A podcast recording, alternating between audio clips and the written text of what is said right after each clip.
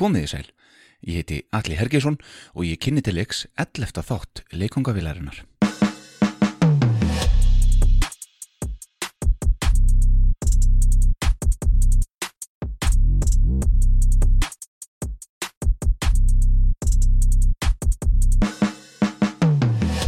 Kanski örlítið meiri diskant á alls ekki við í þessum þætti. Ég ætla að fá til mín bassaleikara í þetta skiptið en það hefur hallað svo litið á bassalekarana að mínu mati en hinga höfum við fengið helling einan af trommuleikurum og söngfuglum á samt svo öðrum.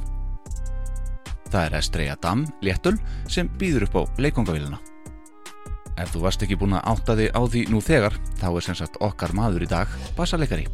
Ásand því að vera reyndar afbrags bakrætasöngvari sem á lagahöfundur, hljóðmaður og leikari. Hann hefur starfað í einni af ástsælustu hljómsveitum Íslands í mörg ár. Hljómsveitin Sú fyrir hreinlega aldrei úr tísku virist vera og er pínu svona eins og stuðmenn hreinlega, hálgerð þjóðaregn okkar íslendinga. Okkar maður er reyndar ekki einn af upprunalegu meðlumum sveitarinnar, en hei, sjáu þið bara ring og starf.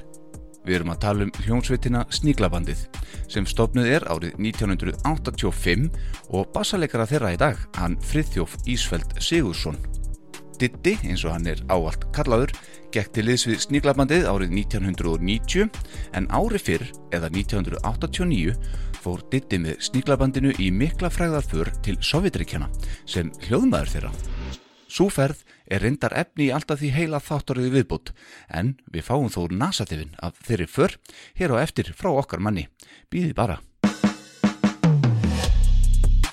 Ég hitti Ditta í sjálfum höfustafnum, Akureyri og ég átti við hann frábært og reyndar stór skemmtilegt og áhagvert spjall þar sem sagan hans var rætt og við skulum heyra hana núna eftir. Við hefjum leika á velvöldu lægi sem tengir okkur við hann.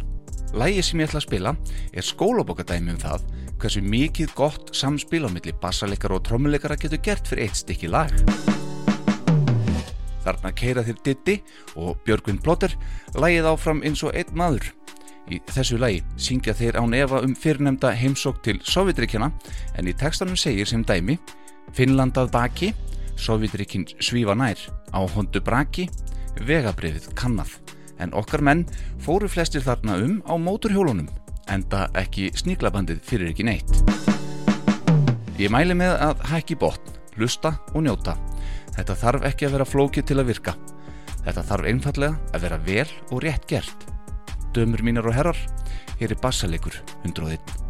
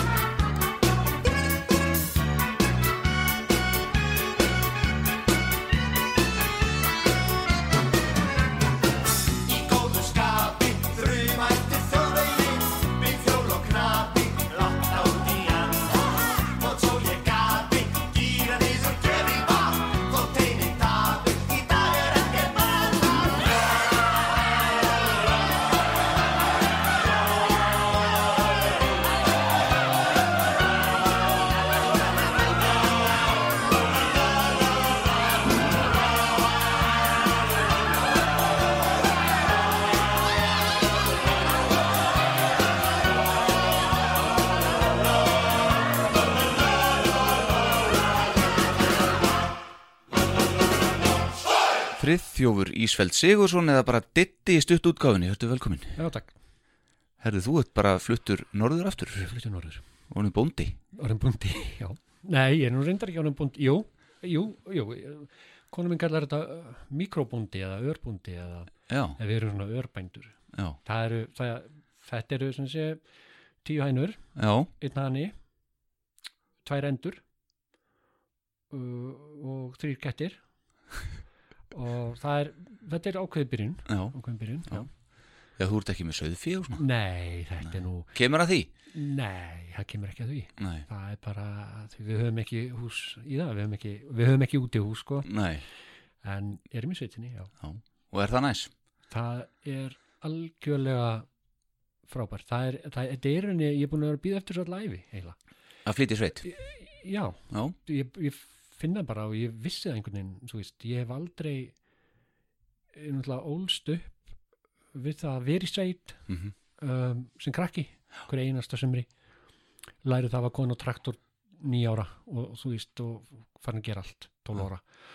Og þetta bara eh, ég var bara voða mikið þannig eða þú veist þetta var bara rosa vel við mig og ég er bara ég er búin að gera allan fjandan í gegnum æfina við ætlum svolítið að fara yfir það eftir. já og svo bara einhvern veginn þegar ég kom í sveitina Já, og stóðu því að vera hérna, fara á tína ekkin og gefa hænunum og, og eitthvað, bara vatna ja, þetta, er bara, þetta er bara máli Já. vakna fyrir það að, að kýrnar baula, Já. þú veist bara rumsku upp og hvað hva er, já, það er baul já, það er rugl sko já. Ertu sestur í Helgan Stein bara? Nei. Nei, þú ert að spila alveg og... já, já, ég reyndar í smá spilapósu núna þegar ég, mér tókst að skemma á mér löngu tanginnar Já, í mæ já, báðar. Ég, já, báðar. Ég yttaði e, fingurgómana af þeim með hefli. Já, Jep. það er ekki sérstaklega gott fyrir bassaleika. Nei, það er, ef eitthvað er, þú veist, það er, það er skárra að missa hægri fótun fyrir neðan nýja, Já, en ég ákvað að fara þessa leið. já, og þetta gerist í sveitinni eða hvað? Nei, þetta gerist nú í, í borgarleikusinu. Já, ok, Það sem ég var að þetta er vinna. vinnuslís. Já, ég var nú reyndar að stelast fyrir sjálfa mig. Já, Nei, ég get ekki klagað upp á það. en þetta var, bara, þetta var bara eins mikið slís og það getur orðið. Þetta var ekki, þetta var ekki, hérna, ekki einhver fíblaskapur eða eitthvað. Þetta var bara eins og slís verða og, Já. og uh, þetta eru báðir fókjubötanir. já, þetta er báði fókjubötanir og ég en, uh, er alltaf að reyna að hamast einhvern veginn og reyna að gera eitthvað með hlýjum alltaf Mhm. og þetta kemur, þetta er svona einn taktur í einu þá til ég fer að öskra. Já, en þetta kemur sko. Ég er bara, ég er bara vera þólumóður sko. Já. Herðu, bassinn maður, Mm. hvenar hérna byrjar þú að spila bassa, Diti? ég byrja fljótlega eftir sko ég eignast minn fyrsta Morris. Uh, fljótlega eftir fermingu, ég fekk hann í fermingagjöf frá uh, mömmu eða já, ég fekk þú byrjar beint á bassa. byrja beint á bassa uh, það er náttúrulega fyrir utan harmonikuna sem var til á heimilinu en, en ég var og ég hef alltaf ég hef alltaf verið frá því ég var smákrakki ég hef alltaf verið rithma maður, ég hef alltaf leitað í og þegar ég var krakki og við tölum um þetta ég og mamma Mm -hmm. fyrir ekkert mjög lungu síðan ég leitaði alltaf í tónlistum það sem var rithmin ég leitaði alltaf í sko Chuck Berry. Ég vildi, ég vildi setja Chuck Berry á fónin og ég var alltaf einhvern veginn alltaf þar og alltaf það sem var rithmi og alltaf það sem var mikill bassi. Já, mikla trommur. Ég var alltaf einhvern veginn í grunninum. Ég, ég var bara alltaf þar. Og það var aldrei er var, mikið í sólónu. Ég var ekki mikið í sólónu, ég Nei. skildi aldrei og, Nei. og hérna, og skildi ekki enn. En, um, uh, en það var alveg á hreinu og ég yrði annarkort bassleikari og trommari, þú veist, að, þú veist, það var bara einhvern veginn lá bara ljúst fyrir. Ég var ekki mikið á þeim tíma mikill hljómakall. Mér fannst mér fannst susinu ofikið svolítið sko. Já, og og, já, og það var bara einhvern veginn þannig. Ég vildi bara vera bassaleikari og, og, og Ertu fættur á Akureyri? ég fættur á Akureyri. Já, og, þetta, þú, sagt, þetta er úlingur á Akureyri og, og, þá, þá byrja ykkur, ykkur úlingabönd, ekki satt? Jó, það er sko, ég eignast fyrsta bassan, ég er örfendur. Já, og það var ekkit mikið um sko en byrju spilur ekki jú, ég, ég spila rétt hend um, Finnur í tónabúðinu, hann var ekki mikið að annar bassalegari já, já, hann var ekkit mikið að láta uh, flytja inn örfenda og, og ég hafði heldur bara enga- fyrir þig. Já, nákvæmlega, ég hafði heldur enga þólin mæði að býða eftir því. Þú veist, hann bauðst auðvitað til þess, til þess að gera hvað sem var en, en hérna ég hafði enga þólin mæði það. Fyrir utan það, þetta er, þetta er algjör miskilingur þetta með örfendur hljóðfærin. Hvernig þá? Ég- það er bara, þú ert þegar þú, þegar þú tekur í fyrsta skipti hljóðfæri í hönd þá ertu bara ekkert örfendur. Nei. það er bara ekkert Þú þannig. þjálfarið bara þetta á að vera svona. Nákvæmlega. Já. þú, þú, þú veist, ég veit um óendalega mikið af örfendum hljóðfærleikum sem spila réttend Já. og eru frábæri það, þetta er bara þú kant jafn mikið hvernig sem þú snýr bassanum, kant ekki neitt. Já, einmitt. Sko, ef maður prófar að því ég er nú réttendur Já. og spila þannig, en ef maður prófar svo að sitja grip á sig sem er fyrir örfenda, það, maður er algjörlega byrjunaritt, það, það er ekkert samræmi í gangi. Ég verð alveg ég verð alveg kolregla eða þú veist, ég, þegar ég sitt á með örfendan bassa það kemur nákvæmlega ekkert með. Og, og kemur ekki til með að koma neitt. Neini, þú veist, örfendur. Já, það er erfitt að kenna gömlum hundi að sitja. Já, og ég, þú veist, ég mæli mæli, mæli bara með því. Og örglega öfugt við einhverja aðra en, en ég mæli með því með krakka sem eru örfendir. Mhm. við erum ekki að standa í svo örfenda bransa, það Nei. er bara þetta er ekkert svo lýs, ég með þú kemur að hlutum í fyrsta skipti þá ertu ekkert örfendur eða rétt Akkurat, nei En hvaða bönd byrja þarna? Hvað, hvaða úlingabönd eru sko, með fyrsta, hverjum? fyrsta, fyrsta hljónstu mín Já. var hef ekki verið 11 12 Já.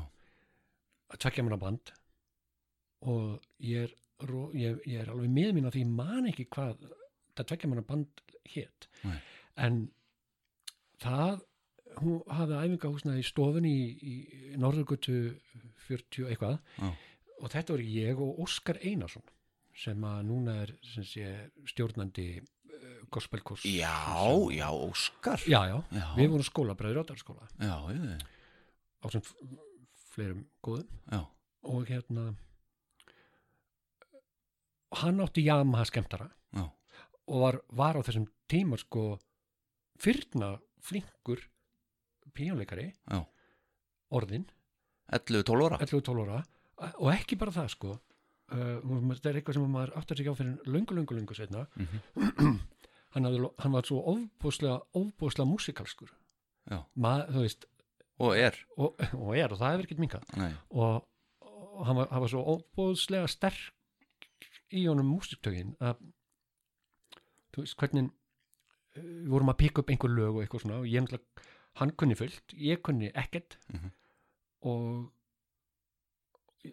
og eina sem ég kunni ég var búin að sko taka bassan og hamast á sko utangarsmönnum spila með utangarsmönnum popstjörn, popstjörnan og Já, já. hérna eitthvað, eitthvað fleiri eitthvað svona uh, græðasta riff sko. Já, og reyna ná einhverjum fjögra hljóma lögum sko og átti alveg í basli með en einhvern veginn hafði af. Já, hann var, hann var komin miklu miklu lengra sko. Já, ok. Og það var rosalegur það sko líklega sko músiklega eru þeir menn sem ég hef unni með svona til lengri eh, til einhvers tíma Mhm. hafa haft mest áhrif á mig eru einmitt píjónleikar Já, það, já, það er, Já. það er það. Það er hann og Pálmi þá og, já, líklega er Pálmi Sigur Hjartarsson uh, sem ég kynnti svo setna sá maður sem hefur haft er um, hvað mest áhrif á mig til lengri tíma. Já, ok. Það er afstæðan, afstæðans til tónlistar og uh, og uh, hans pers, hans hans hljómfræði. Ég veit ekki, veist, ég veit ekki hvað orðum maður á nú tefira Nei, það er hvernig hann nálgast það að hljómsetja og annað það er, er algjörlega unik bara á öðru leveli já, það er á öðru level og, það er, og ég hef unni með mörgum Já, frábærum pínuleikarum en það er eitthvað sem hann hefur sem aðri bara hafa ekki og svo er eitthvað annað sem aðri hafa sem hann Já. hefur ekki kannski Herðu, í googlinu mínu Mhm. um Friðþjóf Ísfeld Mhm. þá hérna ég reyndar, sá það strax að ég var það sem sagt að googla Ditta, Já. ég var að googla Friðþjóf Ísfeld ég var að googla Friðþjóf Sigursson Já, mér skilst að ég sé ekkert auð googlanlegur Nei, þetta Það er, þetta er það svona þetta maður þarf að vera svolítið próf í Google-inu til þess að finna menni svo þig. Já, það og að svona að láta lítið fara fram hjá sér. En ég sé 1988 þá ert þú í einhverjum leikklúbi það- Já, leikklúbum sögu. Já. ætlar þér að verða leikari? Já, ég ætlaði að vera leikari. Já, og ég hérna þá var ég búin að gefa tónlistinu upp á bótinn sko. Já, varst bara búin að leggja hann á hillinu Já, þá var ég búin að vera í hljónsut, hljónstum bandalagið Já. með, Kalla Örvars og já, einmitt og Fús Óttars Mhm. og Edgar Benjamins og hérna og fleirum og, og við náðu vorum að ríkonur á plötusamning hjá Steinari og og og svo leys, það var frábær er- Bandalagið? Já, hún Já. var frábær og það er sko, við vorum 16, 17, 18 ára og það var ekki fyrir sko, það verður ekki fyrir núna fyrir einum, einu ári eða tveimur eða hvað ég er nú gamall sem að ég held upp á 50 samanlega mitt og Kalli Örvas færði mér geisladisk með upptökum af bandalaginu. Já, sem varst ekki búin að heyra þó í síðan þá bara. Hvað segir það, það verið gull að fá það. Já, og ég setti þetta á Já. og reyndi sér gegn og þetta var þetta er algjörlega frábær stöf já, þetta er, þetta er náttúrulega fyrsta leið frábær lög hjá Kalla. Já. Hann, Fyrir- samti hann hann samti eiginlega megni af þessu sko. Já, og hvar tókuðu upp? Við tókum upp í st- stúdíó Bimbo sjálfsögðu. já, auðvitað. Og já, bylgju bimbo? Já, já. Og en textatinn voru hræðilegir. Þeir voru líka eftir Kalla. Já, og þeir voru algjör viðbjörn hann var hjá mér innum daginn. Já, og hann sagði mér einmitt að hann eh, sem sagt, semur texta sem að engin mann já, hann var auðvelt með það. Já. Ha, við, við, við náttúrulega sem, það var alltaf einsku já, að því að sko og meik. Já, meik sko og líka bara það, það var bara þannig baraflokkurinn Mhm. svona. Já. og þeir voru algjörlega hræðilegir þeir voru alveg, þeir voru algjörlega þeir voru eins vittlausir málfarslega málfarslega og hægt var og algjörlega hræðilegir kannastu þetta? já, já, já, nákvæmlega já, já, nema hvað, ég er búin að ganga ykkur þetta og svo bara var ég búin að leggja þessu hljófæri og, og eitthvað og, og Farin að leika? farin að leika, Mm -hmm. Og leik með leikum sög var á, já, og leik þar í no, þó nokkrum verkefnum Já. og spilaði þær í hljómsveit með Fús Ótars Mhm. og og var ráðinn til leikfélags Akureyrar. Ég var ráðinn bara sem leikari. já, ég og að því að sama ári er svo fyrirlarinn á þakinu. Já, og ég er að leika þar já, og dansa, já, kanntu það? nei. Nei, en uh, mér tókst það mjög vel. Já, ég, ég, þetta var ekki fyrsta skipti sem að ég hafði atvinnaði að dansa. Ég hafði atvinnaði að dansa líka í, í hérna í hérna svona sjói í sjallanum hérna eitthvað ín, nei ekki Ingimars jú, ég var ekki Ingimars Eidal eitthvað, eitthvað svona sjó Já. þar sem að uh, voru einhver söngu eitthvað, eitthvað og, og einhverju dansarar og ég bara, þú veist það bara vantaði dansara. Þá bara fun- f- fenginn leikarinn. Já það var sko, þá var ég búin að kynna skúla Gautasinni. Já, vinni mínum, hann sko hann ringdi bara í mig og sagði að nú þyrfti ég að koma Já. og dansa þegar vantaði dansara. Og þá bara fór ég og gerði það. En ekki hvað? Hafði aldrei dansað og, og fór á fyrstu dansæfingunum mína í, hérna, í stúdíó hérna, hvað eitthvað er þetta, hérna Alice. Já, ég var algjörlega gler. Ég var sko, ég var eiginlega ekkert búin að sofa og það er litla sem ég var búin að sofa. Ég, sko, hausinum að var að springa og ég var að fara á fyrstu dansæfingunum mína. Það var skelvil sko. já, já, hvað er það? Já. já.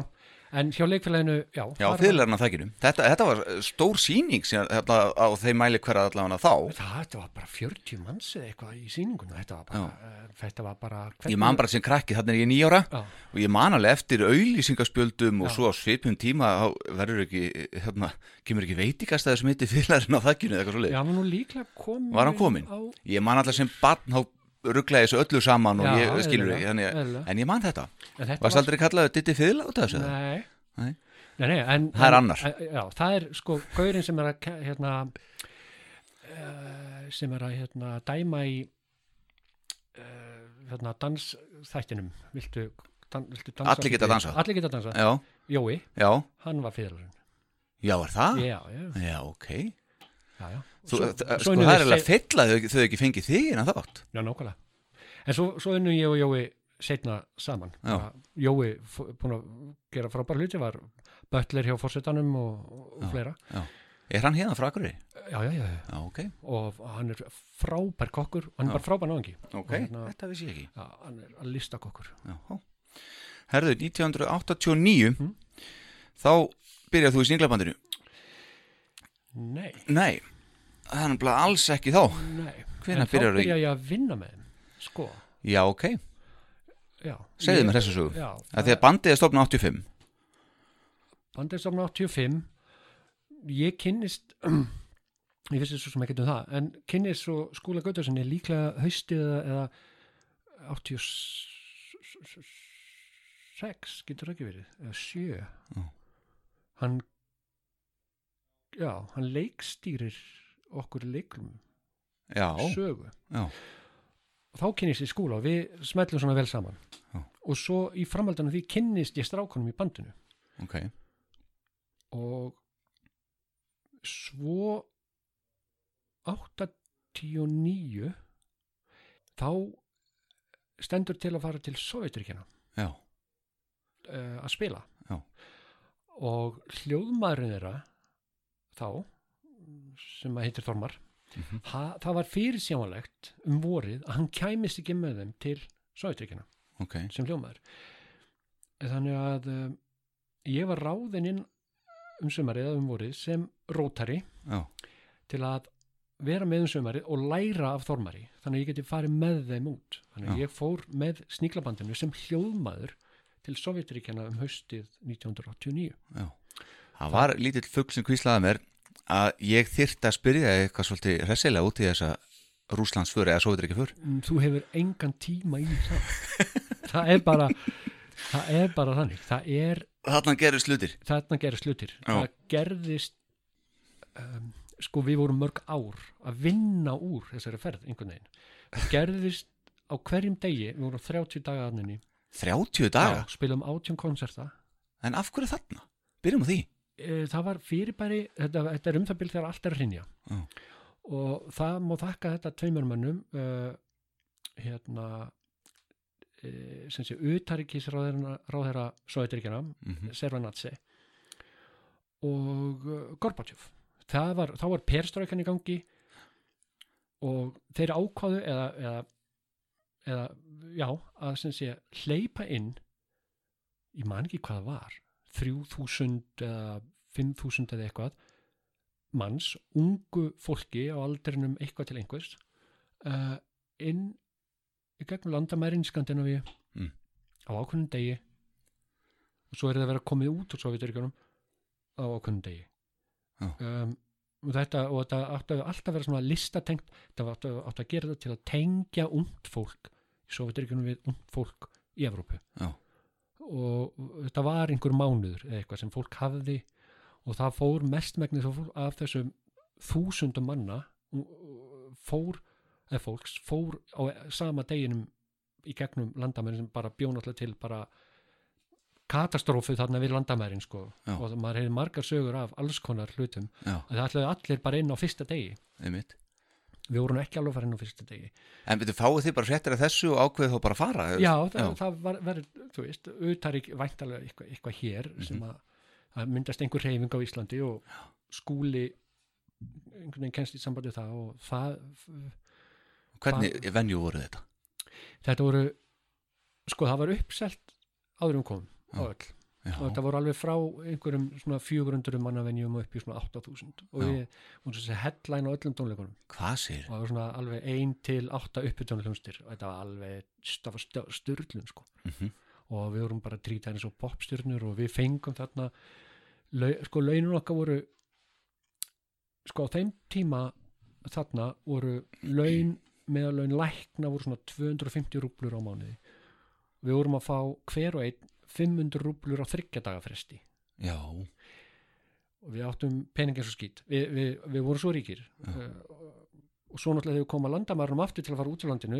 Þá gáttum við ekkert gert við hennar pening. Þannig að við vorum með fulla haldaboka af, af rúblum Já, máttu ekkert fara með Stein- steind, já ég menna þú gast alveg fara með það en þú gast ekki gert það, nei, auðvitað ekki. Gast ekki skiptið sín eitt Nei. alveg, Og hvað gerðu þið? við gáfum það bara. Já, gáfum peningan okkar til uh, manns sem að heitir Andreus Júrkunas Litái hann Þetta manstu? strákur sem er 17 ára gamall þá búin að uh, Einar Rúnarsson vinnu minn, handbandleikari í hlustinu gisti hjá Já, og hann á, í Litáin við fórum svona, við fórum svona stóra ring í Sovjetríkunum og eh, fórum út sem sé í Finnlandi, fórum út á sama stað við komum inn Já. hann ákvað að koma bara með okkur strákurinn af því hann talaði rúsnesku náttúrulega Já. og hérna kunni á múturnar og svona hvernig átt að múta löggunni og, og eitthvað. Þannig að hann kemur bara með okkur, hann redda okkur raskatinu óteljandi oft. Já, og við bara, þegar við vorum í Leningrad sem það hétt þá en Pétursborg í dag Já. og við erum á leiðinni út úr landinu og hann er að fara sem sé hináttina til að fara hindi sinni í Litáin þá letum hann bara hafa alla peningar okkar. Og þetta voru uh, bara laun lækna þarna sem hann fekk í meira, þetta voru, þetta voru bara þetta voru margra áratuga launlækna Hefur, hefur verið í sambandi við hennum hann? já, já, já, Já. Uh, sko, Ertu vinnars á Facebook? já, já, og við erum verið litlu sambandi Já, uh, ég og hann, en aftur á móti Einar og, og Björgvin Trómari hafa heimsóttan hann býr núna í Boston, er hvort hann er verbreyfamilari eða eitthvað þið störtuðu því Já, við gerum það. Hann, hann á sko pening eins, eins og ég veit ekki hvað. í dag Já, ég, hann á bara veit ekki hvað hann mikið pening og hérna. Þetta er æðislegt Já, og hann hérna þeir komið til hans og gisti á honum og, og þeir sögðu að það hefur verið bara eins og hitt hann bara í gær sko, bara hitt hann síðast í gær. Og þeir fengu, þeir voru, voru þarna, ég veit ekki hvort þeir voru langa helgi eða viku eða eitthvað og þeir fengu ekki að taka upp veskið, aldrei, alveg sem hvað reyndu að gera þeir fengu ekki að borga fyrir einn, einasta hlut. Hann notaði þessa peninga til þess að sko, að hluta til til þess að koma hingað Já. og hitt okkur og svo hlutaði einhvern til þess að menta sig í bandaríkjum Vá Já. En hva, hvaða, á, á hverju voru þið svo lengi að vinna úr þessari fersir? Hva? af því að hver einasti dagur Mhm. var óendalega mikil upplifun Já. við vorum á fimm mótorhjólum og einum svona bens kálfi Já. með græjunar og það við vorum með mafjuna eftir okkur og við vorum, við lendum í alls konar sko, ég, veistu, ég ætla ekki að byrja. Ég, veist, það, er alveg, það er alveg sér þáttur. Já. Rússlandsför Já, sníklabansins hún er bara hún- sko, var, það var skrifað langur uh, bálkur eða mm, svona ég ætla ekki tíu hlutum eða eitthvað ferð sníklabansins sem var skrifað í sníklafréttir skúlir Gauta skrifaði ferðarsögun okkar Já. þar sem hann svona bara rétt flytti ofan af. Já. Það var samt alveg þú veist, En við voruð í ykkur hættu þarna fannst þér? Eitthvað svo leiðis?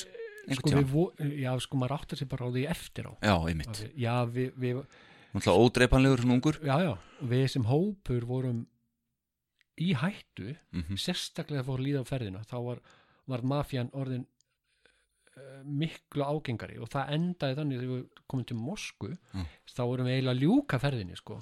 Um, þá þurftum við að koma bruna bara eiginlega beint inn á ákveðin stað í Mosku og tekið móttökur við borga mörkin eða þannig og þá voru bruna með okkur inn á svona lokað svæði. Um, og þar kom maf mafjan og svo vorum við bara dregnir burt alveg í kvellinum og þá kom mafjan til að reyna að ná öllu draslinu sko Hvað, peningunum ykkar? Nei, bara græjónum og mótorhjólunum og, og bensin, bensbílum og. Voruð við móturhjól með ykkur? já, voru fimm mótorhjól í ferðinni sko. Hérðan frá Íslandi? Já. Já, þeir voru á hjólum sé, skúli og Bjarni Bræði sem þá var bassaleikari já, Björgun og Einar og hver var allir nafniðin Bergmann held ég að vera Já. Æ, ég man ekki, ég Nei. man ekki. og hérna rétt eftir við erum farin svo fréttum við það, rétt eftir við erum farin og gerði mafían áhlaup sko, Já. en sá sem að sá um þetta allt hann, hann átti vin í löggunni sem hann vissi voru heiðalegir Já. það voru örf, jæja. örfáir já og hann fekk þá og borgaði þeim til að koma og, og, og verjast og þegar við hittum hann svo þarna tveimur tímum, þreimur tímum setna þá var hann allir svona blóðugur á hnúanum og, og hérna þetta var alveg, þú veist þá voru bara, þá var bara áráskerð á þú veist, þetta alveg þetta var svakalegt. Og maður, maður einhvern veginn bara já, já, svo bara eftir á sko þú veist, það var bara og við lendum í alls konar persónlega hver fyrir sig, ég lendi í nývapartaga eða þú veist gaur sem ætla að drepa mig með múrsteini og þetta, æ, þetta, þú veist, ekki láta mínu sem byrja. Þetta þetta, hefur verið þetta var rosalega för. Já, ef það á að gera hérna, hlaðavarpsætti með eitthvað þá voru þessi ferð. Hún er alveg, hún, point taken. Hún er alveg, hún er, hún er alveg Og fá bara eh, allt bandið og Já, ég held að Ég hugsi, ég geri þetta bara. Það Fá allt sniklabandið og taka bara sovjetrykja förina með, já, fyrir. Já, það er alveg svona tveggja daga prósess að taka Það eru aðri 15 þettir Já, það er alveg, það er alveg þar sko Herðin, svo segið þið hérna þegar þið haldið upp á hvað var það, 25 ára ammali eða eitthvað svoleiðis Já, í svona umsögnum tónleikana já, að eh, bandið hafi liðast í sundur skömmu eftir þetta og það hafi varla verið tilvílun já það, var þannig sko að Já. þegar við komum út, þetta var rosalega breyting við erum popstjörnur í mánuð Já. Bara axir í popstjörnur Mhm. við erum, uh, erum kerðir um á Selduðu plötur hana? uh, nei við höfum ekki held ég vita á því Nei en en, uh, en sko við erum kerðir um í svona tólfsæta leður sæta svona íkarus rútum Já. þú veist og bara, þú veist, og þar sem við komum þar bara er æstur múur fyrir utan. Þetta var bara, þetta var algjörst rugl sko. Já, svo þegar við komum tilbaka þá þá er það bara sjokk. Já. það er bara ákveðið sjokk. Að búa að vera, þú veist, menn er búin að vera popstjörnur í hérna þennan tíma. Já. og svo er bara að fara að spila á gögnum fyrir 30 eða, þú veist, þetta, þetta bara og það gekk bara fram á bandinu eða? gekk misjaflega sko, mönnum gekk bara misjaflega að díla við það. Já, það er svoleiðis. Bassaleikarum gekk bara alls ekkert mjög vel að díla við það. Nei. Og þá hættir hann. Það hættir hann, og hérna hann Bjarni Bræi, Kjartansson já. og hérna þú kemur frábær náungi Já, einmitt og þú, það er náttúrulega bara líkur uh, bara í augum uppi að þú bara taki við hljóðmaðurinn og, og nei, Nei, það sem gerist er það að það fara að spila með þeim ymsir menn. Uh, mjög góðu bassleikari Halli Þorsteins, stórkastlu bassleikari. Uh, Jón Ingóls, já. En af hverju eh, ekki, af hverju á lítið fram með þér? Ég, ég var náttúrulega ekki bassleikari ég, Mm. skilur, ég var bara ég var bara fermingabassleikari ég var Já. bara, og hafði spilað einhverju bílkúsbandi Morrisin, já, með Morrisin, þú veist. Hafði aldrei átt neitt annan bassa og einhvern veginn svona og, og ótinga græjur og var ekkit bassleikari já, Nei. bara, ég, það, var, það var bara fortíð. Já, það var bara búið, það var bara búið sem hluta mín lífi. Já. Svo var bara, svo er ég búin að vera að spila með þessum bassaleikurum, mjög góða bassaleikurum en það einhvern veginn, það, það varð aldrei kemistirinn var ekkert einhvern veginn Nei. svona, svo í februar nei, 1990 Já. þá eru er að koma að spila hérna á það er bleiki fýllin Já. það sem H100 var og akkurat. ég veit ekki hvað er núna einhverja íbúður já, hafnastrætið 100 já, um, það er á annar og þriða hæðinni. Mm bleiki fýllin hérna. Og það er ekki Tony? Jú, jú, Já. nákvæmlega. Indislega hangi það, það, Þeir eru að koma að spila. Skúli ringir í mig þá, þá er gig sko á fimmtudegi, föstudegi og lögadegi. Svona tónleikar svona, fimmtudegi, ball á föstudegi og lögadegi og Skúli ringir í mig á mándegi og segir Ditti, spilar þú ekki að bassa? Eh, Jó og ég vissi, vissi að þeir voru að koma sko og, og vissi að ég myndi hitta þá, ég myndi væntalega róta með þeim og svona, gera eitthvað græja Já. Eða ég búið vera hljómaður eða vissi það ekki, alveg þú spilar, þú, þú spilar á bassar ekki, jú. Að við erum nefnilega bassarleikarlösi sko. Og hérna, og ég náttúrulega þekkti öll þessi, lög, ég þekkti prógramið. Og ég þekkti end, hvernig þessi hljómsveit byrjaði lögin vissi, hvernig þessi hljómsveit endaði lögin þannig ég hafði ákveð forskot. Já, já. og ég sagði, jú, ég, ég spila já, hérna við erum bassaleikar þetta ekki til í að taka bara giggi með okkur? Ég get það ekki, ég ekki spila bassa í sjö árið eitthvað, þú veist eitthvað, ég, nei, ég get það ekki jú, jú, hérna ég faxaði prógramið og tóntegundir. Það var náttúrulega fyrir tíma GSM síma Jú. og, hérna, og fyrir tíma e-maila og Já. þú veist. Og, og mamma heitin, hún hérna vann á póstúsinu og það sem að faxtækið var Já. þú veist, ég bara og ég verið tilvægum vissi nú númer á faxtækjunar Já. ég sagði, jú, faxaði bara og mamma læti mig þetta bara að kemur, já, ég gera svo náttúrulega kemur aldrei neitt fax. Nei, og á miðgutaskvöldið á ringi í skóla og alveg á taugum og ég sagði, ég bara, ég er ekki búin að fá neitt. Nei, ég glindi hérna, ég hef engan bassa á ekki neitt. Já, ég er búin að fá bassan hans Bjarnar bara að lána hann, við komum bara með hann með okkur. Ok, eh, ok ekkert mál. Ég er bara, ég er bara gauðin að vanu að redda öllu fyrir þess að hljónsitt, sko. Að ég bara þurfti bara að redda þessu þá líka svo er bara, ef við bara við tökum bara góða æfingu bara í soundtekinu, á ok. Svo bara komið, svo er bara róta inn og þeir eru mætti fjögur og, Mm. og það er bara að róta inn og eða þrjú eða eitthvað, mætti mjög tímalega. Og við rótum inn og svo er byrjað og svo er byrjað bassotrám með soundtekið, þú veist eins og við voru hérna í gamla já, bassotrám í hálftíma eða eitthvað. Akkurat. Og þá kemur einhver alveg brjálu upp og þá er bókabúð fyrir neðan. Huld Edda nei, hvað er hún? Edda, Það að, hérna, bókabúð fyrir neðan, það má ekki vera með háa. Ok, herru, þá bara hún lokar sex og kjáðurum bara býður til sex. Þannig að við bara býðum, til sex svo klokkan er sex ah, ok, það búið að loka. Og þá bara að byrja þá kemur tónur, herru, nei, það er að koma matargestir. En það var aldrei ekki einu sinni- það var ekki einu sér soundcheck og ég bara hvað, strákar, ég get ekki ég kann ég man ekki eins og hvar er veist, ég bara, ég kann ekkert á þetta hljóðfæri lengur. Já. Mér til mikill af blessunar. Já, og bara það og það sem að gerða verkum að ég er í rauninni bassleikar ennþá, ennþá dag í dag. Já. var það þarna spilaði með ljósitinni fyrir, hérna fyrir Norðan og á þessum tíma uh, Baldur Ringsteð já. Gítarleikari, mm akkuringur Litaði þið í gegnum prógramið? Kennarinn Baldur Ringsteð Já, leiddi mig gegnum prógramið á gigginu á 15 bara as you went on sko. Já, bara hann bara snýr sér svona svolítið að mér. Mhm.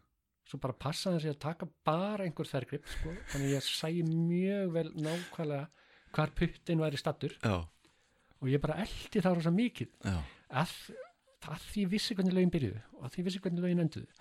Ég hafði það. Já, það, það var minn uh, mitt forskot. Já á einhvern En þarna, þú eru vantalega ekki verið með mikið af einhverjum bassagöngum og stegum Nei, í gangi þarna? ekki neitt, Nei, það nei. var bara ekkert. Nei, ég var svo ánægð með sjálfum mig eftir það, þetta bara tókst bara, ég verð bara að segja það. Já, þetta tókst bara nokkuð vel. Já. það er bara, feilarnir voru ekki meira en svona 5-6 í hverju lagi og þetta var bara svona veist, þetta bara tókst nokkuð vel. Og ég var svo kokki og ég var svo ánægð með mig já, á fyrsta skvöldinu ég var, ég, var nú, ég var samt ekki það kokki, ég vildi nú endilega hittast þarna daginn eftir eitthvað aðeins að eitthvað, strákuð bara neina þetta var frábært maður, þetta var frábært. Ég var svo kokki, ég náttúrulega bara skellti í mig þarna á fyrsta skvöldinu, þú veist. Já.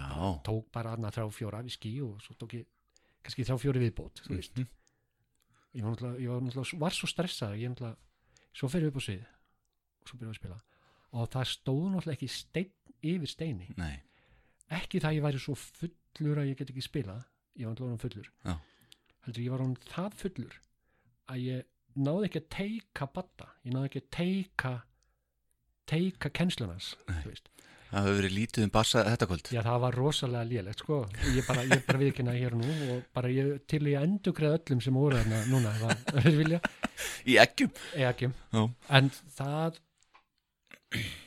þetta var ákveð, raskætlu, þetta var bara fínt. Þannig að ég, ég stóð með held ég alveg með þokkalegri príði þarna á lögundaskuldinu. já En þú varst ráður í bandi eftir Já, þetta og svo bara, li- svo líður svona hálfum mann og þá ringjar, ringjar, segir, við erum að spila hérna í tunglinu eða eitthvað, hérna, Já. til ég bara að droppa og, og taka þetta gig. Þá voru þeir ennþá að leita bassaleikara í rauninni, sko. Já, já ég sé hérna þið prófuðu Tómas Tómasson og Já, Jakob Smára og já. E- Eið Arnars Já. já. Þeir, já, sum, það er endar þeir síðan spiluðu með þeim það er eftir að ég er rekin úr hljónstinni sko. Já, þá, þá spilar Eður Arnars og Jakob Smári og Tommy. Já, varstu rekin úr já, siglum? það er sjálfsögðu. Hey, Akkur að sjálfsögðu. Því þetta er bara rock. Já, já. bara, maður, ef maður er í rocknósi þá er maður rekin Já, já, já. snilt. Ég var bara blindfullur og, og hérna, var bara skandalisir og var bara þú veist Hvenar er það? þetta er 93 Já, þannig er þið að gefa út þetta stóra svarta já, við, ný, við gerum það í mæ mm og ég hætti svo í bandinu í nóvumber Já, þú spilar á þessa plötu? Já, já, já. Já, Og, og þetta er frábær plata og hún er, hún er lí, ein, ein okkar og líklega, já, já, og þetta er Já, náttúrulega í góðu skapi til já, dæmis. Já, eitt úldin hund, mm gott um, og fleiri lög sem bara hafa lifað, sko. Kom ykkur svolítið á kortið? Já, ég gerði það. Já, svona eftir í, þetta jólalag sem að var gert um árið þarna. Jú, jú. Já, já. En hva, hvernig var það fyrir skúla heldur að, reka þig úr bandinu? Það var, ég ekki til þess fyrir hann að því að hann var náttúrulega bara hann var svo tjónaður sjálfur sko. Já, já, það var verra fyrir marga aðra. Já, en þetta var, ég nei, ég gefði þetta, ég var ekki ég var, það var bara, sagt, mér var bara sagt við mig, þú veist, annarkvort gerir þú eitthvað í þínum málum. Já. eða þú eða þú getur ekki, við getum ekki unni með þér. En það segir í sömu umsögn nefnilega þarna um um þess að tónleika sem að ég var að nefna á hann að uh, miðjan tíunda áratugin Mm. 20. aldar þá hafið þú og skúli tekið ykkur hlið frá störfum til að fara á drikkjum manna hæli Já.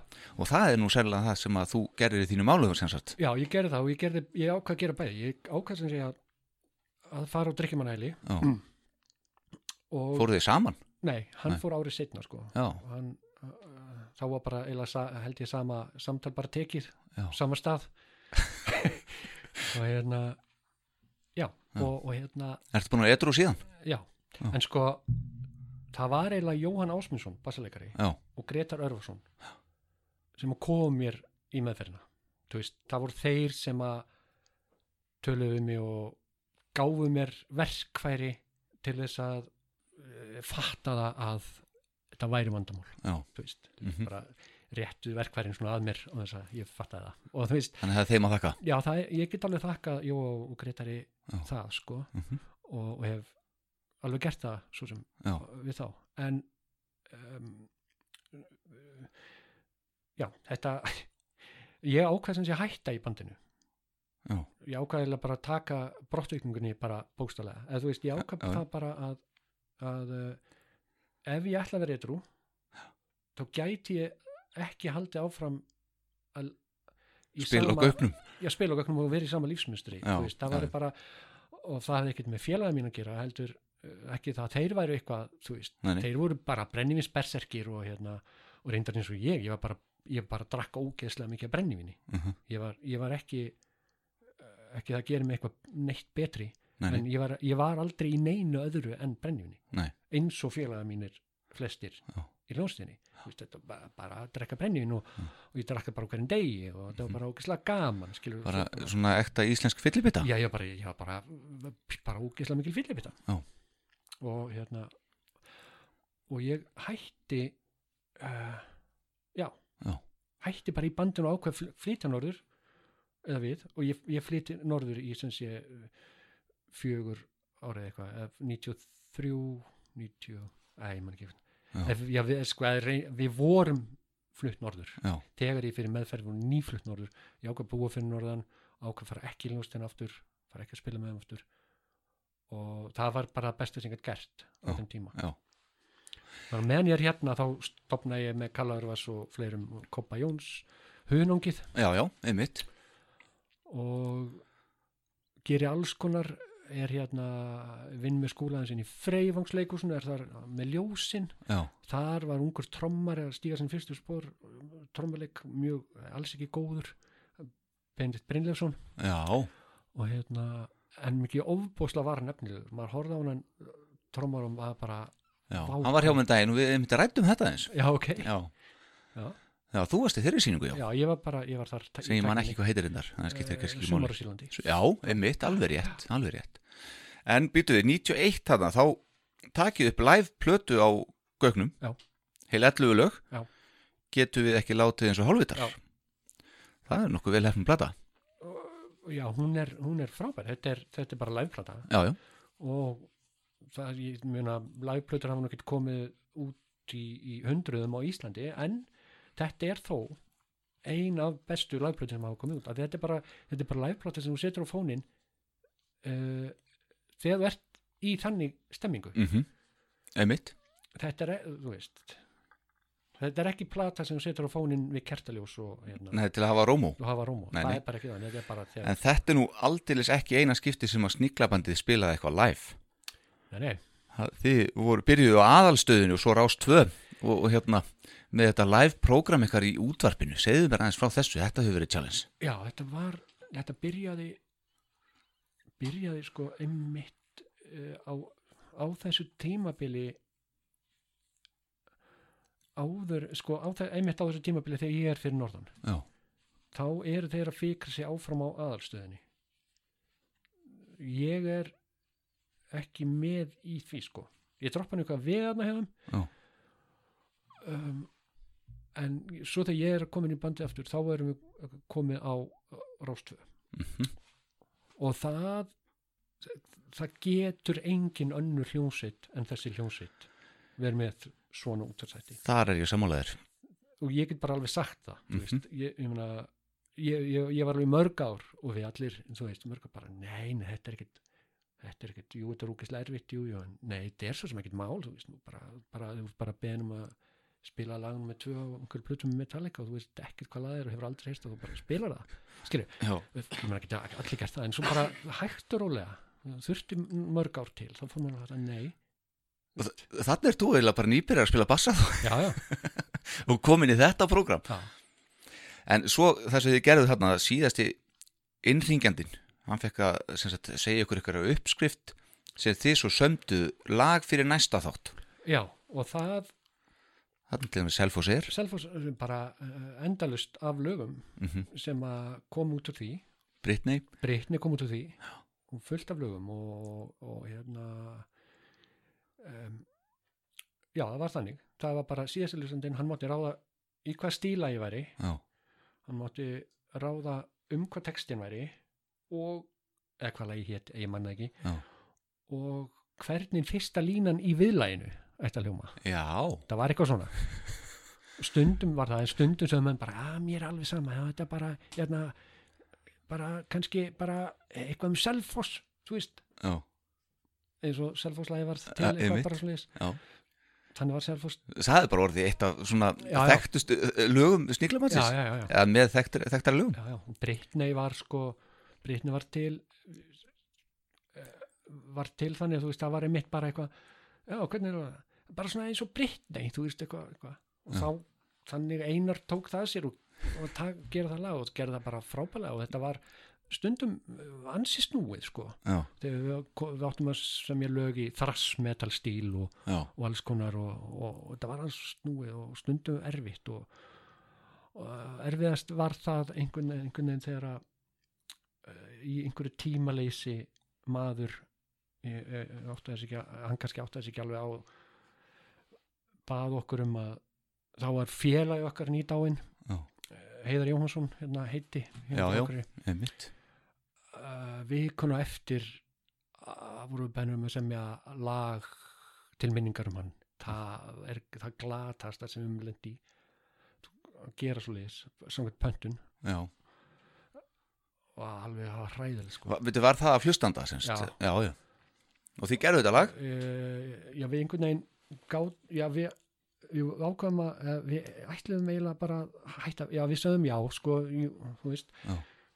svo ætluðum við bara eiginlega að hætta við og, og, og skorast undan í fyrst og eina skipti að þetta væri persónlegt mál og við gætum þetta bara ekki, þetta væri Nei. bara eitthvað. En svo ákvæði einhvern veginn uh, bara og svo er ég skuttla dóttur minni á, á keflaukurfjöld einhvern veginn þarna á fimmtudegi eða föstudegi eða eitthvað. Já, þættinni voru sunnudum eða lögudum með sunnudum og, og þegar ég er að keira Reykjanesbyrjutum tilbaka þá bara kemur það. Það bara Lagið? já, Já. Og, og textin eða svona skilur, beinagrinn allt, allt nógu mikið til að sé að halda áfram að vinna með já, þannig að við kláruðum það. Ok og það var mjög erfitt. Og það var mjög, það var mjög erfitt og ég, svo kláraði ég þetta lag en texta og það var mjög erfitt. Og æ, við, þú veist, og æfðum við lögin eh, aldrei, við náttúrulega bara komum saman rétt fyrir þátt og bara, já, varst þú ekki örgað með lagið, þú veist? Og hvernig er það? Það er, það hérna F og eitthvað þú veist og, svona eitthvað. og ég man eftir þegar við vorum að renni í tala við ætlum ekkert að komast í gegnum það. Það var bara eitthvað þetta var bara erfitt, þetta var bara erfitt. Lagið er ekki flókið. Nei, textin ekki heldur en þetta var bara erfitt og þetta var bara mjög erfitt. Og þegar við vorum að taka það upp síðan tókum við það upp í Paukstúdíun út í Danmörkar þá tókum við þessu plötu síðan upp. Já, og það var bara minni mig með minnum og það var bara, þetta var bara erfitt. Skil ég Bjöggi eh, syngur það og þetta var bara, þetta var allt erfitt. Já. Legið Hvað heitir þetta lag? Það heitir Heim. Nú ertu horfin yfir huga. Ég heyri mótorhjól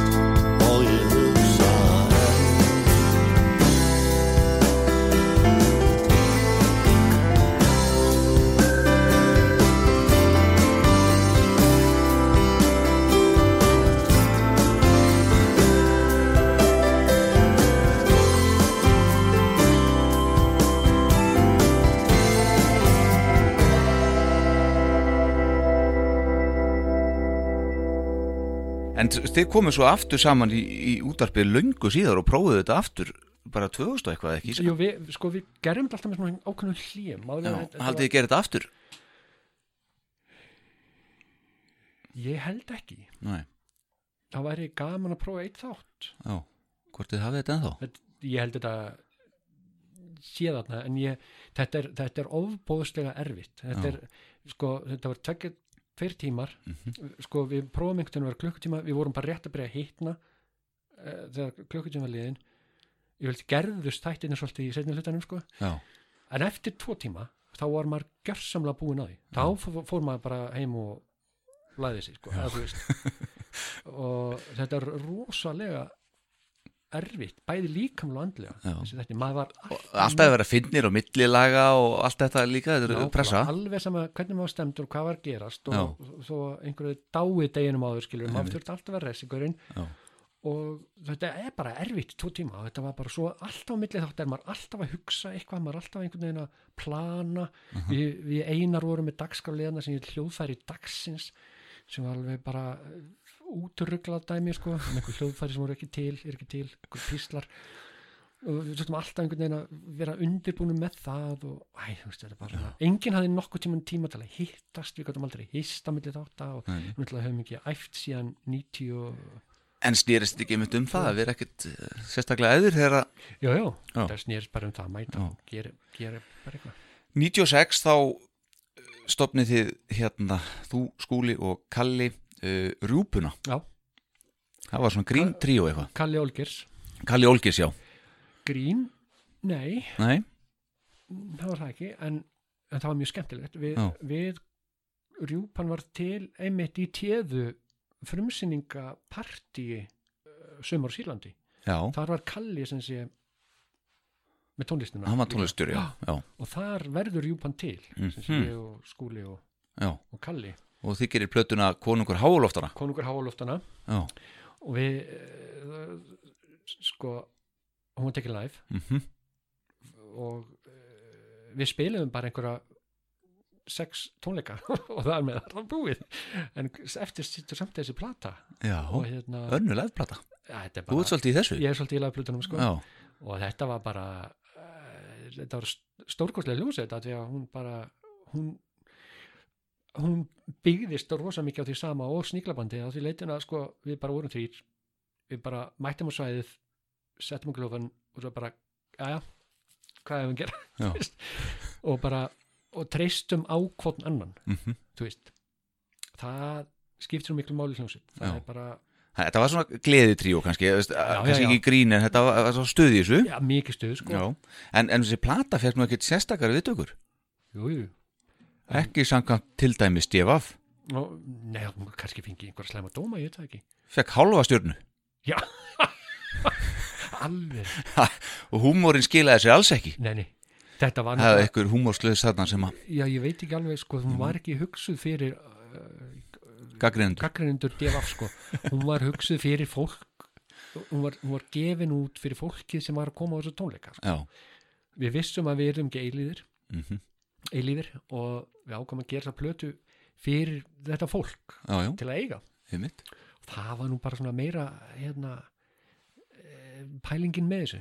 Gera, gerum geisladiska í 500 eintökum og, og dreifðum meðal fólks seldum eitthvað upp í kostnað og svona, þú veist, þetta já, var já, já, já. þetta var nú bara svoleiðis. Herðu, svo ertu farin að spila með Bjartmanni Guðlöks já, alveg rétt. Olsen gengið, já, alveg rétt. BP já, hver er, býtum við það var ég og, og James Olsen, trommari. Já, þannig kemur nafnið vantalega Olsen gengið. Já, Bjartmar uh, Tommy Tom, sem sé gítalegari rockabillibandið og, og fleira. Já, uh, Vá, ég man ekki hvað þetta voru. Nei Ég glósaði ekki hjá mér. Nei, Ég treysti því bara að þú muna svo þetta. Bjartmar og Jú, jú. kannski, já, við vorum líka ekkert fleiri. En um þennan tíma Mm. Þá ert þú, byttu hvað? Útgáfustjórið ekki? Ja, hjá Jú. skífunni? Jú, ég var eða varst ekki titlar Já, útgáfustjóri ég var útgáðustjóri Mhm. uh, íslenski tónlist þá? Ég ég veit ekkert hvernig ég komst þangað. Ég af hverju, ég var útgáðustjóri í skífunni. Já. Já, íslenska tónlistar. Já. Ég var að vinna hérna í bókval Var með plötudeildina þar. Mhm. Eða, sem, Já, hljómblöðulitina Já. og Ég maður kefti nokkra plötur að þið mann því. Nákvæmlega. Sáum hana svo ammalistæði minn 7. mæ, þegar ég verð 30 Mhm. þann dag ringir mér maður segist, þetta Ragnar Birgisson var frangöndastjóri skífunar hvort ég hefði áhuga á þessu starfi Af hverju? ég veit það ekki, Nei, og ég veit það ekki enn og þú náttúrulega hafðir áhuga á því ég sko, ég var alveg til í að fara að tala við hann og hann bara hann sagði, ef þú, ef þú hefur eh, áhuga þá bara er flug handaður á morgun klukkan 12.40 eða eitthvað. Já, og hafa verið náðið því. Mhm, svo bara kom bara maður og náði mig út á flugull og ég fór á fund með hann og ég er enda að spyrja hann tvisvara allavega, af hverju, hvað, af hverju ég Já. eitthvað, það skiptir engum máli. Nei. Hann bara sagði þér ekki? Já, nei, og ekki. En hvað, hva, þú lítur á að uppgöta ykkur hljómsveitir sem við þekkjum Já, já, í þessu, þú varst, varst ekki bara, þetta snerist um hvað, að fara á tónleika finna bönd eh, eða hvað? já það, er, það er ángi af því Ok, ángi af því er, er bara ný, ný, nýsköpun eða sem sé sko útgáfu fyrirtæki um, eins og aldan er núna aldan sko, skí, skífan og spór Mhm. áður steinar saminuðust Já. uh, í eitt fyrirtæki sem síðar varð sena ok, sem síðar seldi tónlistar útgáfunu sína til fyrirtækis sem í dag heitir Aldan. Já, og Alda hefur núna er núna með, ég veit ekki, 70% af allir í útgjöfun íslenski tónlist. Já, já. Sem er sér- endilega gott, það eru góði menn að vinna þar en, en, en það er ekkit endilega gott að sé svona mikið á einu stað. En það er allt annar handleikur Næst stæstið það vantilega smekkleisa eða ekki? jú, jú, Og svo bara einhver já, einhver minni Já. Já, hérna, dimma uh, útgáfan og, og fle, eru fleiri uh, fleiri útgáfur hann úti sem að uh, Game State nú, sem, Já, já. maður, uh, sem eru stærri en maður heldur sko. en Ok. hvað, er, hvað er það hluti af, af starfinu var náttúrulega bara að finna nýja artista og sæna þá eða sem sé fá samning Eh, stæðsti hlutin fór í að viðhalda þeim listamönnum sem voru á samningi að gefa út með þeim klötur uh, það, var, það var náttúrulega lungan og starfinu uh, fer í það. Og síðan er þriðji hlutin sem er það að viðhalda katalógnum, það er að segja gera eitthvað úr gefa út best og plötum með vilja vil Já, veist, já, já, viðhalda þeirri eign sem er til. Já, og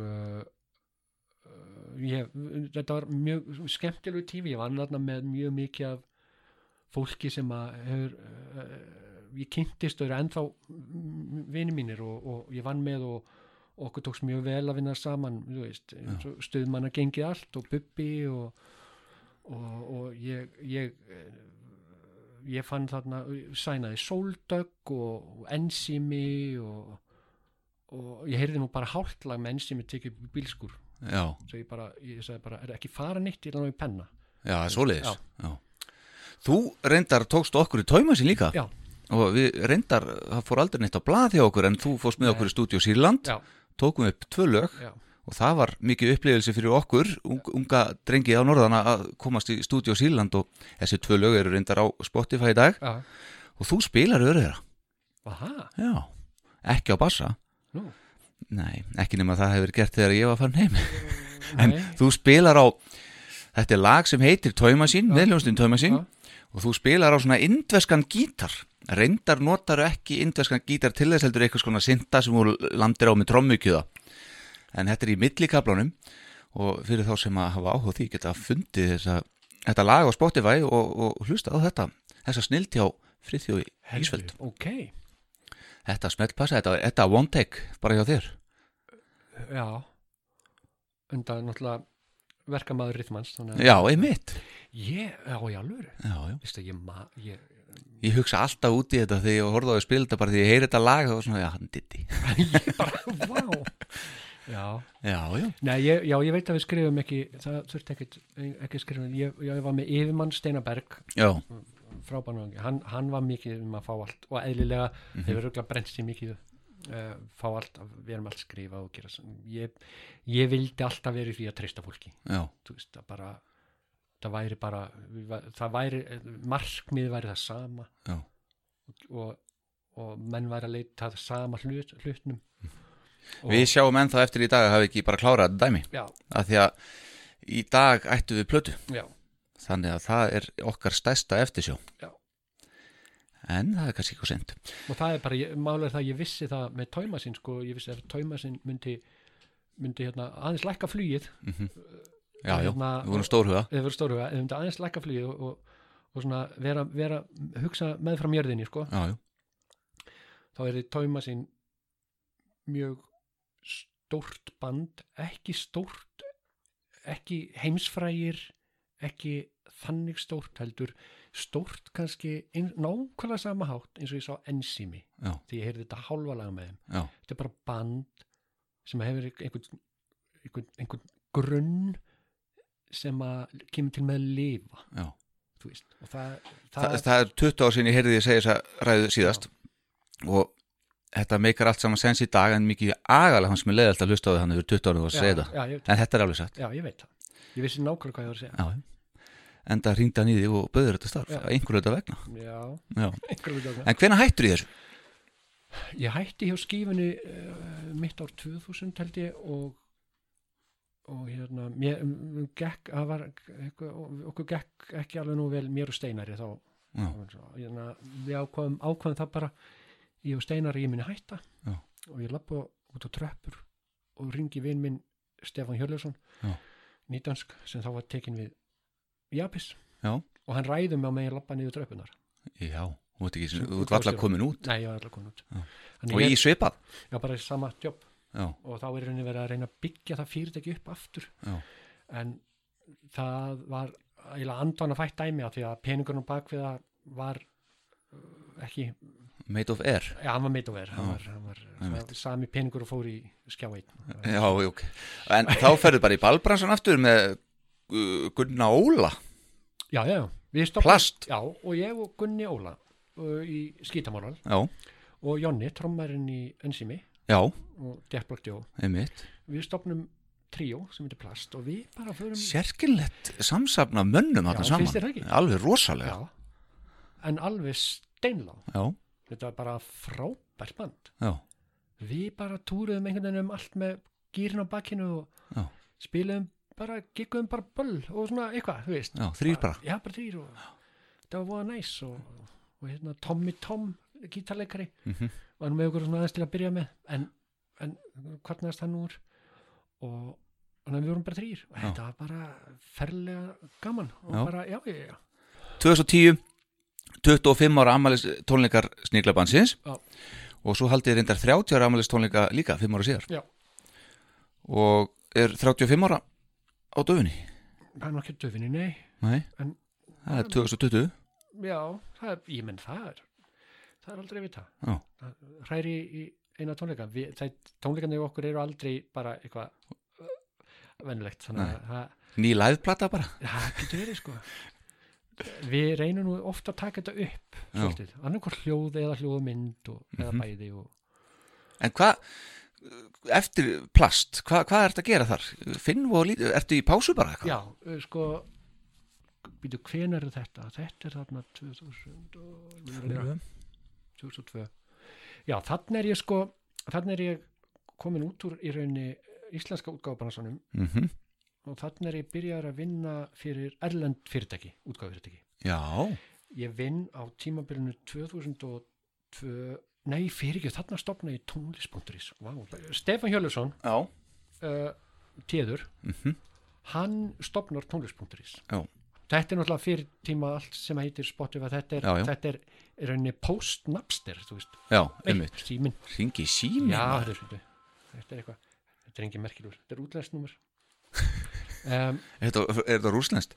Nei, mér syndist að vera ennst Já, einhverju syndlarar um, þetta, þetta er, það orðað þegar að er já, þarna, þarna er Napster og þarna er, þú veist, iTunes komið, þetta, þetta er Já. svona þetta er einhvern veginn svona að byrja eitthvað einhverju svona veitur. Einmitt. Og hann stopnar uh, tónlist.is og uh, svona upp, upp á að vera með íslenska tónlist og upp á að vera með íslenska tónlist á erlendamarka, internetið sé náttúrulega alheims fyrirbriði Já.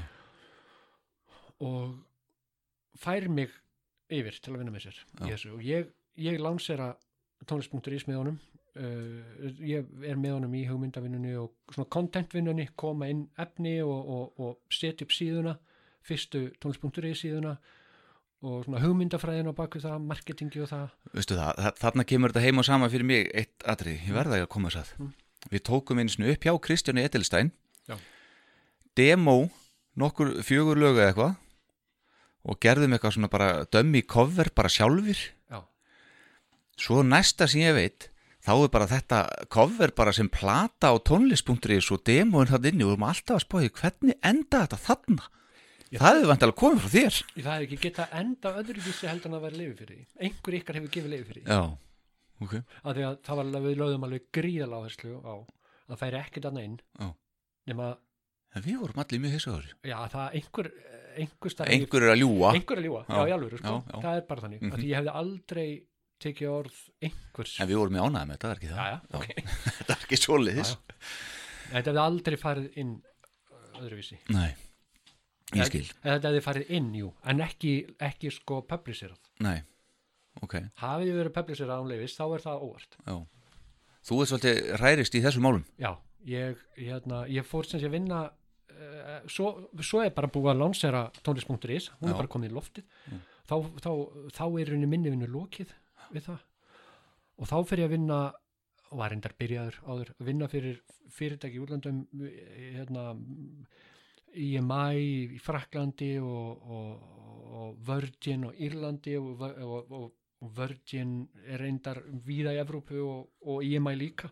Uh, við svona marketing ráðgjöf, ráðgjöf ég, hérna uh, þá, þá gekk Plutus alveg svo vel á Íslandi.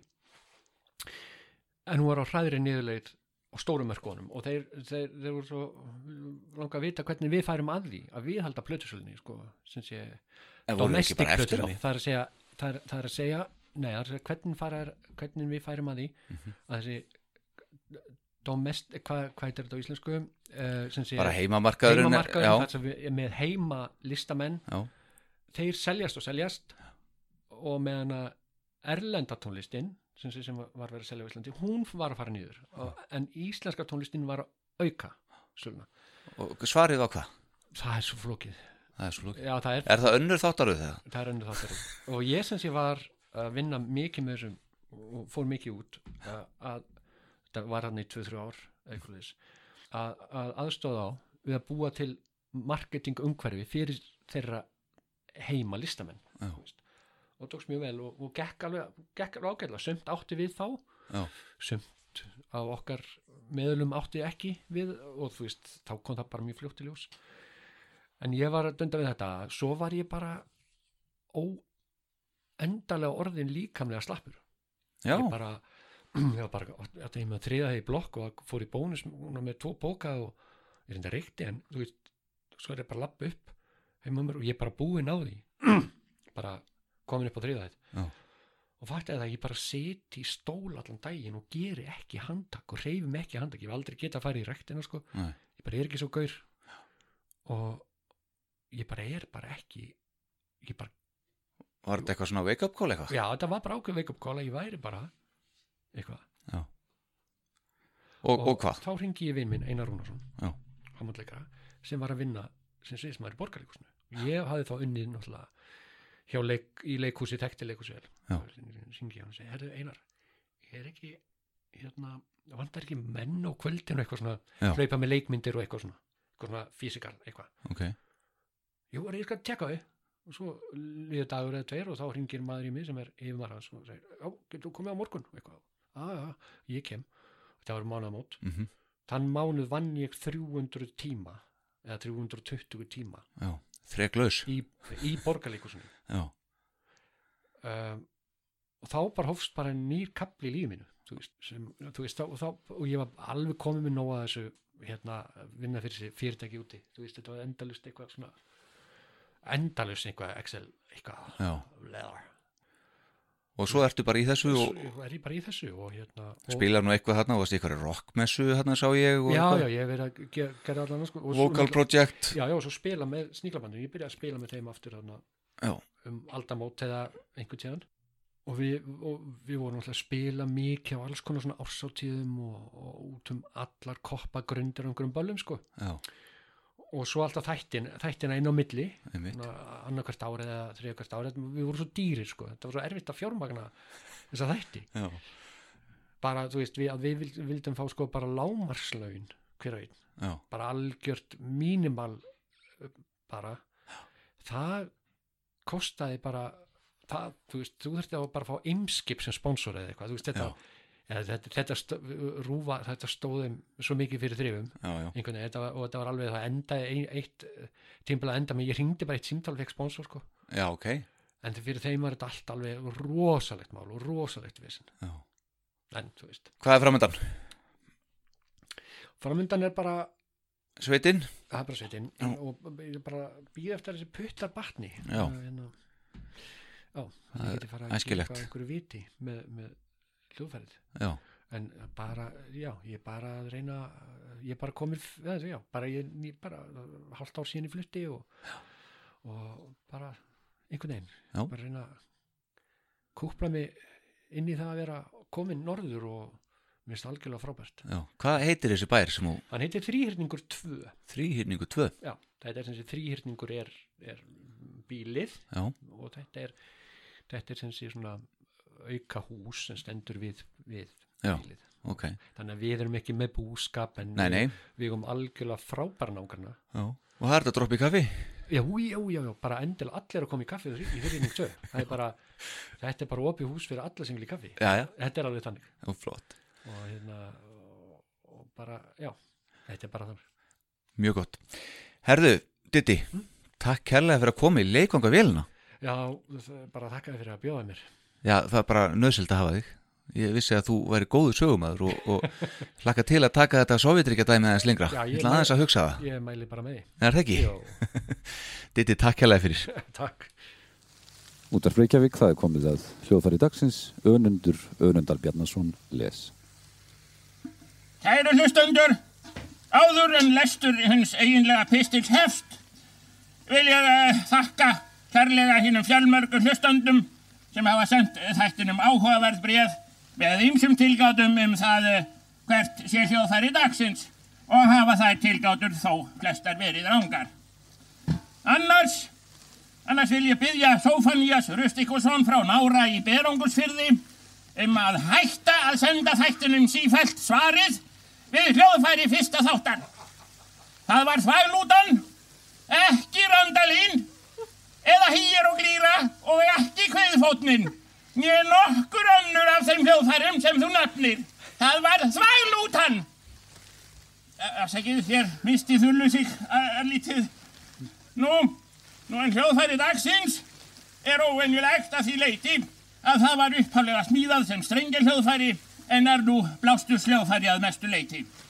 Það er ættað neðan úr svörtustu Afríku og hefur verið notað af villimönnum frá Örjófi Alda og mun svo enn vera. En nú hefur þulur þegar gefið of mikið upp, enda hljóðfærið ægi vinsælt á betri heimilum landsmanna. Heyrum hér lítið tóndæmi.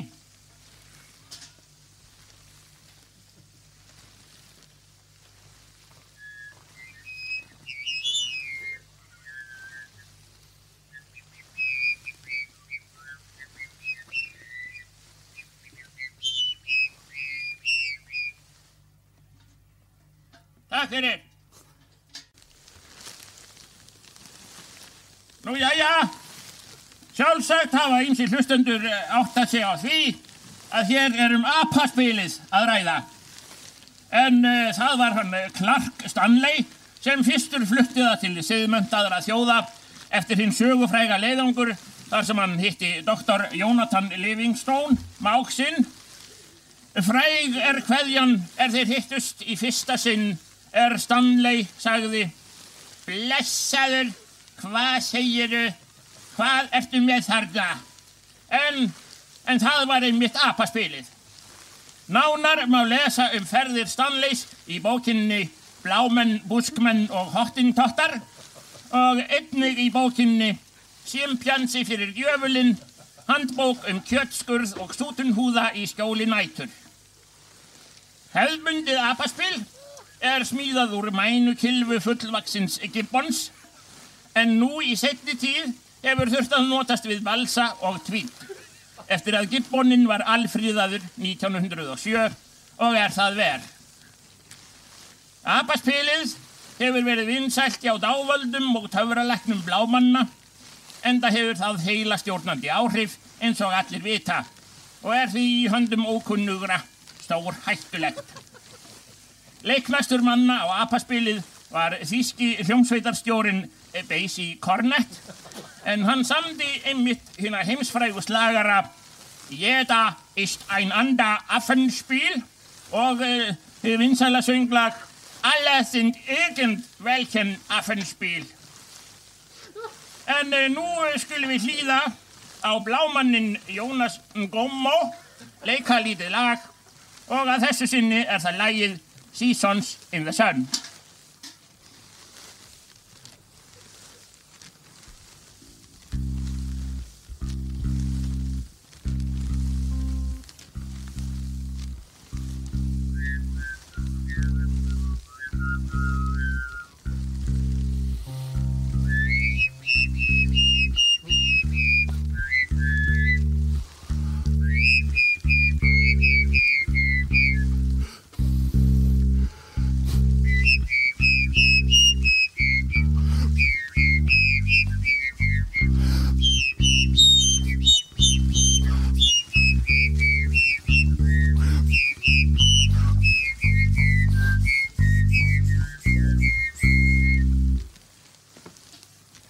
Flutt var lagið Seasons in the Sun.